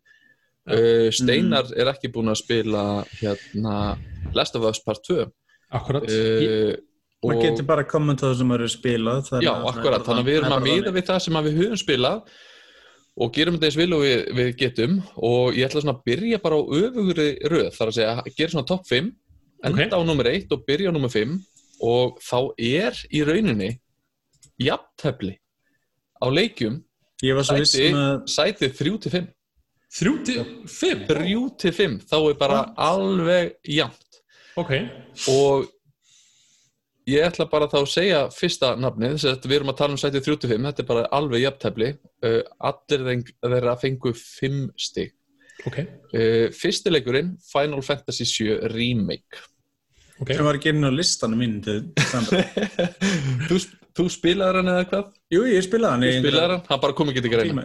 Ég, ég Ég er spilaði ekki bara fimm leiki, leiki á þessu ári. Þannig að ég, þetta er ok, sjö, sjö held ég þannig að minn venna var alveg bara í, þú Já, ok, þú ert með stuttan lista og ég er Final Fantasy svona semi-fan, ég er ekki fanboy, ég- en ég er það svona Þetta var minn Ég- fyrsti Final Fantasy leikur þannig að uh, Ég, mér finnst útkoman mjög flott og hérna ég er mjög ánægð með útkoman Ég og segi, fast ég að er vera að- Mjög vel hefna leikur en bara ekki fyrir mig. Þetta var Kingdom Hearts á styrum. Það er, ég get líst úr það. Herri já, og fleiri? Uh, já, og hinn, uh, eða nummið tvö er Hades. Heiðis, úf, Ok. það er og leikur það sem var ekki einn sem að gaf honum stig af okkur fjórum. sem ég býstu að gefa hann til viss þetta vegna þess að ég var hann þarna. Já, það er Steinar. Steinar sem að setja hann í fyrsta seti. Geggja, Sko, hann er mjög þetta- verðspildandi Þetta er svo leikur sem ég langar mest að spila er Ég að nefnilega- að- ég- Sko, ég er búinn að vera núna sko í jólafrí. Já, og hérna það var búið að plana það í Cyberpunk og það breytist.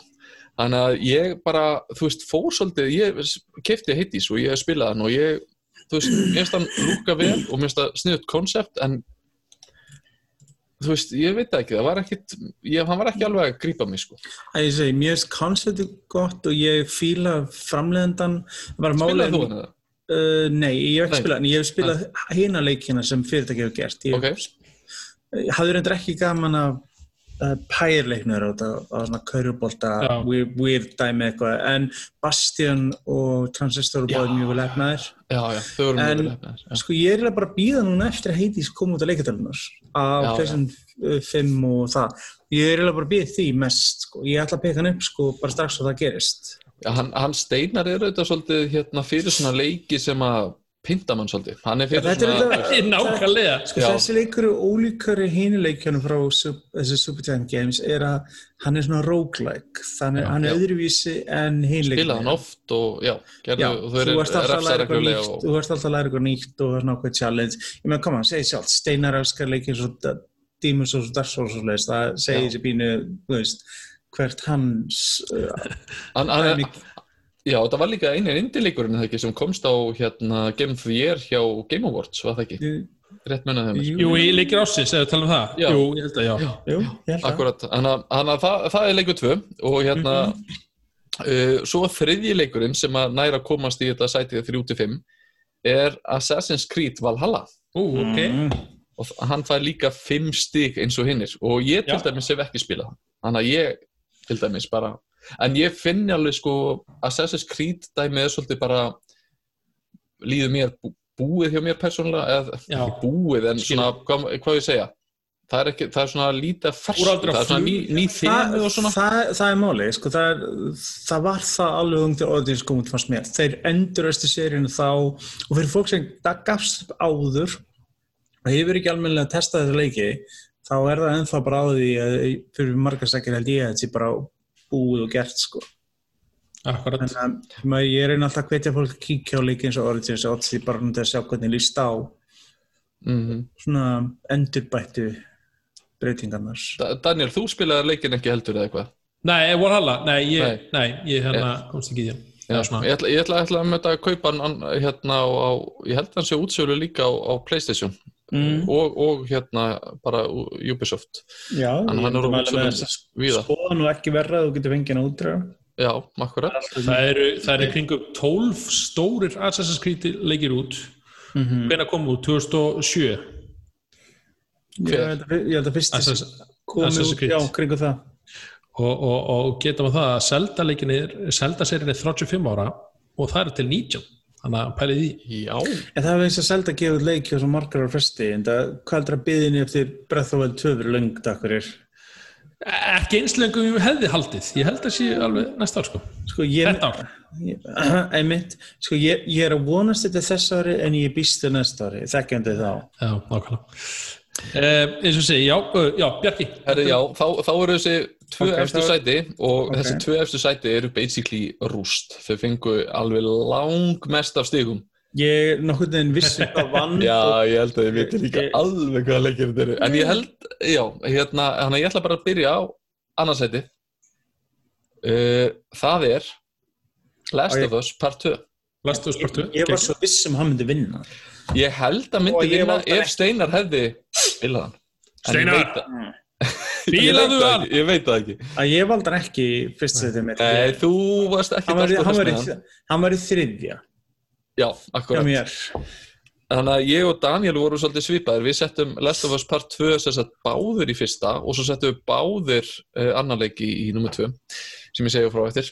En það er sem sagt, uh, já þetta var leikur nummer 2 og, og Last of Us Part 2 hefur eiginlega, hefur hann ekki verið að vinna svona þessa kategóriu hjá flestum þetta árið. Bestum en, æ, ég veit ekki, finnst, ég Ekki kannski endur öllum en svona flestu sem maður hefur tekið eftir þetta. hei, ég, mér finnst hann sko, mér finnst hann vera einna leikjum ásins mér finnst hann ekki vera leikur ásins Nei, við erum Ég að segja að þetta sé næst best eða þú veist, við, ef við erum að tala saman sem hópur af því Já, það er auðvitað að þú veist, við getum haft mismjöndi skoðanir en við erum að tala saman sem hópur og þá erum við að segja þetta basically að þetta sé næst besti leikur ársins sem er bara Já. mjög góðu stimpill sko. það er ekki, ekki slæmt sko. Nei, Eh, ef ég hef að verja fyrsta sæti mitt nei, tjók þá er, er hann að mínum að þið bara hands down uh, besti leikur á sori með um hvernig gerður þó að uh, ef- kannski ekki sko, hrifin af sögunni. Já, þessi það, að er tæknin, það er sagan sem sittur í mér. Það er sagan er æðisleg. Ég er búin að læra að elska hana. að mestu að mestu A, ég er alveg saman, mér finnst sagan geggjuð mér finnst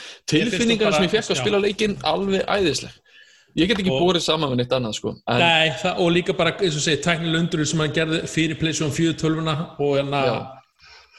Og bara, og spilun líka þetta er bara, hann er bara frábær spilun að, að, að sínleiti og, og tilfinningar sem hann hefur fyrir hann, ég bæði hata hann, ég elska hann ég dyrka hann, ég hata hann aftur og þú veist ekki svona. En, en, en, og það er engin líkur svona ég svona er bara gríðalega reyður út í hann og, og, samt tíma bara svona Nei, og, og, sama tíma Ok. þá eru margir ég sem skil, eru ég svona skil Sa, já, það eru margir uh, þú veist, sem eru líka hérna, sveins megin sem eru ekkert endilega þú veist, ég- súperleiknir af leiknum heldur ég- eru bara svona, hei, mjög góður Var ekki sko, ef við hugsa um gameplay, tæknileg hlið, open world, allt saman frábært. Það er sagan sem situr í mér, það er ákveðin hlutarinn sem ég get ekki hort fram hjá. Það er málið. Þannig að þú ert að lækka hann svolítið fyrir söguna sagan er staðist til hluturinn leiksins. Það er málið. Já, það, það, það, stendur og hans, fellur- og með sögunni. alveg, rétt, en mér finnst þú bara svo vel skrifuð bara, Það er nefnilega, ég er alveg innilega ósaman það er nefnilega þess vegna finnst mér ekki að vegna Ég er nefnilega líka að ég er ekki hrifun að, s- ég, mér finnst sund bara að vera sloppy, sko. Ég, einhver, einhver sagði hérna einn sem sagði hérna í- hérna, hérna, að það, að það er geggja að við skulum ekki vendilega með samla því að bara skapar skemmtilega og nákvæmlega. Hérna, og og þá hérna er komið af að leik ársins ég Já. held að þið geti alveg giskað á hvaða titill hann, það er. hann á að vera skil, skil líka. Það er bara henn stán sko. Já, hann, er hann er mjög flottur. Og Ghost of Tsushima. Já, Ghost of Tsushima. Akkurat, þannig að hann fekk sko fjóra hjá mér sem er því er sem sagt basic- basically annarsætið Akkurat. Sveinn sett hann í, í, í fyrsta sætið uh, Daniel sett hann í annarsætið og Steinar sett hann líka í annarsætið þannig að Ok. þetta var bara hands down. Hann fekk uh, 17 stig af 20 mögulegum Hann Ég- er svo feel good leikur, Hann- mér líður já. bara svo vel þegar ég spila hann. Og er hann er, já, hann er líka bara rosalega fallegur, hann er hérna sniðug svona lítil element eins og hérna með löfblöðing, leiðbenna manni áfram og, Já, Já. og líka fara til Vindurinn. Japans og þú veist allt þetta sko. ég, eins og segi, mér fannst þessi leikur æðislegur og ég, mér hlakkar alltaf til að sjá hvað ég gera meira með þetta. og hvað voru margir, voru þetta allt, eh, meira meina Sony leikir á listanum við okkur? Þetta eru sem sagt leikinni sem eru á, á top 5, það er að segja 1 er Ghost of Tsushima, 2 er Last of Us Part 2 og svo 3-5 það er hana Hades, Final Fantasy 7 Remake og Assassin's Creed Valhalla og aðri leiki sem Já. að fengu einhver stík hjá okkur, það er að Já. segja 1 til 4 stík en komust ekki á hana top 5 lista, það er Animal Crossing New Horizon fekk, komst á þann lista að fá einhver stík, Demon Souls fekk einhver stík Mm, Já, ég sett hann lista minn til dæmis. Já, uh, Spiderman Miles Morales. Hann, hann komst á lista líka náði þess samt ekki top 5 uh, Wasteland 3 komst líka á lista. Uh, Nio 2 og svo Immortals Phoenix Rising. Já og, og, og Sackboy Sackboy komst líka Já. Mortal var 50 leikur sem ég spilaði einn af þessu 5 leikir sem ég spilaði svo það var þannig að það var 15 september það var eitthvað hann eða Call of Duty Warzone en ég hef búin að eyða miklu meiri tíma í, í Mortals og ég langar meira að spila á hana Mortals þannig ég, já. Já, ég, segi, sko, það voru leikir sem ég vildi ekki setja á listan. Ég setti svona í svona virða nefnaverð lista sem ég bjóð til vegna þess að mér fannst einhvern veginn, þó ég sé bara að spila Cyberpunk 30 tíma þá er ég ekki maður klár og ég get ekki sagt náttúrulega mikið um Já, þess já, það er líka að hann á lista. S- Sackboy, Nei, Cyberpunk. Nei Já, Cyberpunk já, alveg já svo- Cyberpunk alveg svo- fekk 0 stík hjá okkur. Já, alveg svo, ég er búin að vera að spila Star Wars Squadrons og síðan þá spila ég Crusader Kings og leiki sem ég svona, þú veist, og Command Conquer Remaster útgáðan á PC. Leik sem ég gæti ekki sagt top 5, kannski, Ok, ég var búin að gleyma henni en ég, ég, ég, myndi ekki setja hann á toppum heldur. Nei, það sem ég þú veist, það er svona eins og segja og Wasteland 3 og hlutis, það er svona leik sem að setur á top 10 lista sinni er ekki kannski top 5. Ég hérna með smá lista eins og þetta hérna, leiki sem ég hefði viljað komast og hefði kannski vel Já, komast þetta- listan Þetta var svona leikir svona Það var hérna sem ég- Cyberpunk, Hyrule Warriors, Spiritfarer, Hades, uh, Assassin's Creed, Valhalla og Demon's Souls. Þetta er svona leiki sem ég hefði viljað spila. Uh, Cyberpunk kemur og svo er leiðum, tí, tíma, kemur á góðum tíma og svo bara kemur þetta hæp og þetta dót sem verður fyrir hann. Hann er missast áhugan og ég bara kemst ekki yfir hann bara yfir, yfir leik, leiki ásins. Þannig að en það getur vel verið Setningin er Já. Það getur vel verið þegar við erum allir búin með næsta verið þá var þetta bara skeggja leikur búin patcha og þá náttúrulega munum munum við náttúrulega bara hæpa hann í drasl aftur. Nei, Já, ég held líka eins og með, hérna, ég spilaði mitt líka Demon Souls aðeins uh, vegna þess að Cyberpunk fór í uh, þetta dæmi. Og hérna ég er reynda bara viðkjörna, ég fíla eh, svona leiki hérna eitthvað allt og mikið en ég held að þetta sé klárlega alveg bara frábæra leiku fyrir þá sem fíla svona leiki sko. Lúka vel og auðvitað byggjar á klassísk, klassískum leik og svona. En hann er kannski ekkert svona, hvað maður að segja hann er ekkert svona, hann er ekki að brjóta hennar múra, þetta er bara svona rosalega flottur leikur Rósalega vel gerð endurgerð. rosa vel gerður já en það er kannski ekkert þú veist, eh, maður fann í Ghost of Tsushima og, og Last of Us Part 2 að það var verið að gera eitthvað svona svolítið sumt nýtt og spennandi líka Já, sem segir svolítið hvað Sony er búin að vera svolítið svona breyf eða svona búin að Já. gera þetta árið sko. þeir eru búin Já. að vera að keira bara leikinu sínum og, og, bara vel gert sko. Fall Guys var næstu búið að komast á listaðum mér en endaði ekki Já, það var saman hjá mér það var svona, Já. ég var, já, það var svona eins og segi, ég fór yfir svona Animal Crossing ég bara, hugsaði að mitt uh, ég spila hann ekki nógu mikið, ég datt misti áhugan svona, Já. og þetta er líka svolítið að segja svona hvað þú spila leikina mikið, pínu líka Þú veist, ef, ef, ert, ef þú ert búin að spila segjum bara eins og Heidi hana Steinarni, það búin að spila hann mest af öllu þá er það væntalega, er það því hann er þættu góður Já, akkurat Já, nákvæmlega uh, Já, var það nokkuð fleira eða eitthvað sem þetta er hugið eða eitthvað?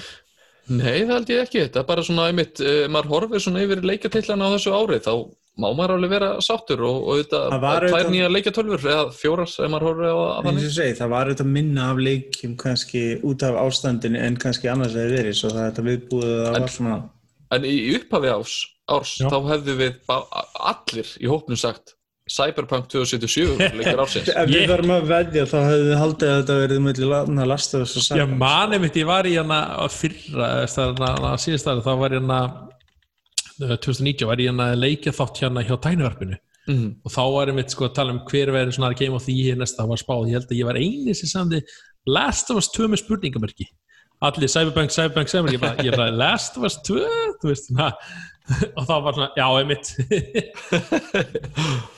Já, ma, ég meina að maður bjóst ekki við að Cyberpunk myndi falla svona látt niður en Þú bjóst Nei, aldrei nei. við þetta myndi verða svona, það er rétt sko. á bara eftir að batna uh, já, eins og sé, ég ætla bara að langa að gefa kannski tvo sjátat eða þannig sé á, á, á, á, því sko, þetta er einmitt þessi verðtíð, það er lítið kannski podcast að margi jólafrí uh, ef þið hafi ekki hlustað að leikja þá tæknivarpsins sem kom út fyrir heldur tvei viku síðan, þá mæli ég virkilega með honum, þetta er bara virkilega gott hjá Bjarnar Gunnlegi og, og, og hérna honum skálmöld. Bjarni, næ, hvað heit það? Bibbi, Bibbi, eða ekki, Bibbi nei, nei, hann, hvað heitir hann? Ég, fyrirgeð mér rosalega mikið. Mhm. þetta stólur klálega, ég ég skal hjálpa þér miklu með- meistara Jú, í Bibbi í skálmöld. ég held það líka. Ég vissi byrjaðu Ég, var með fyrsta bókstafi Bibi skálmans fyrir, fyrirgefi en þetta ég segja, þetta var, þetta frábæð þáttur. Þegar fór yfir það sem bara var svona helsta yfir árið líka og bara skemmtli peis svo náttúrulega hérna annað hérna heitir hérna R2L2 þetta er svona tölvuleikja spjall heitir tölvuleikja spjallið. Uh, bara eins og segja, þið vilja na, na, na, eins og segja, fleiri þætti um tölvuleiki þá bara eins og segja, gefið þessu þáttum gaum og bara Já, við þannig að ætlum að hittast bara mjög fljótlega aftur, uh, vonandi næstu viku eða, eða, eða, eða, eða ekki síðar eftir tvær vikur, þá hérna ætlum við að vera með svona, já, leikja þátt yfir árið, förum yfir fantasy-deildina sem bæði Bjarki vann á God, maður. Fantasy-dildin var eins mest að rúst síðan og Rústaði ég eða vann ég bara? Uh, þú eða svona bæði bara, það var svona Þessna, já, við, ég skal, við förum yfir betri við það hvernig það virkar og erum Ég eiginlega að gera það þessu svo illa að það- það er, veist, já.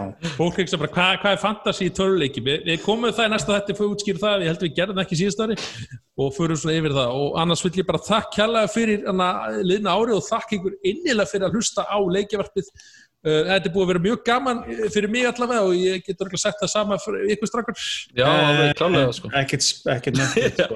Whatever man. Ég er bara hérna, ég er bara fengir en annarkvæmt lögða og það er er bara, bara, ég hafði ekkert betra að gera sko.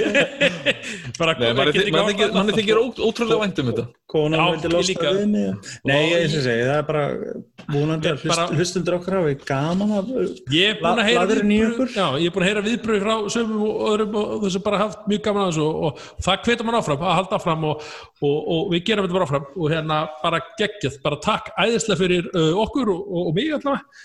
Og já, verið sæla sinni. Bless bless. Bless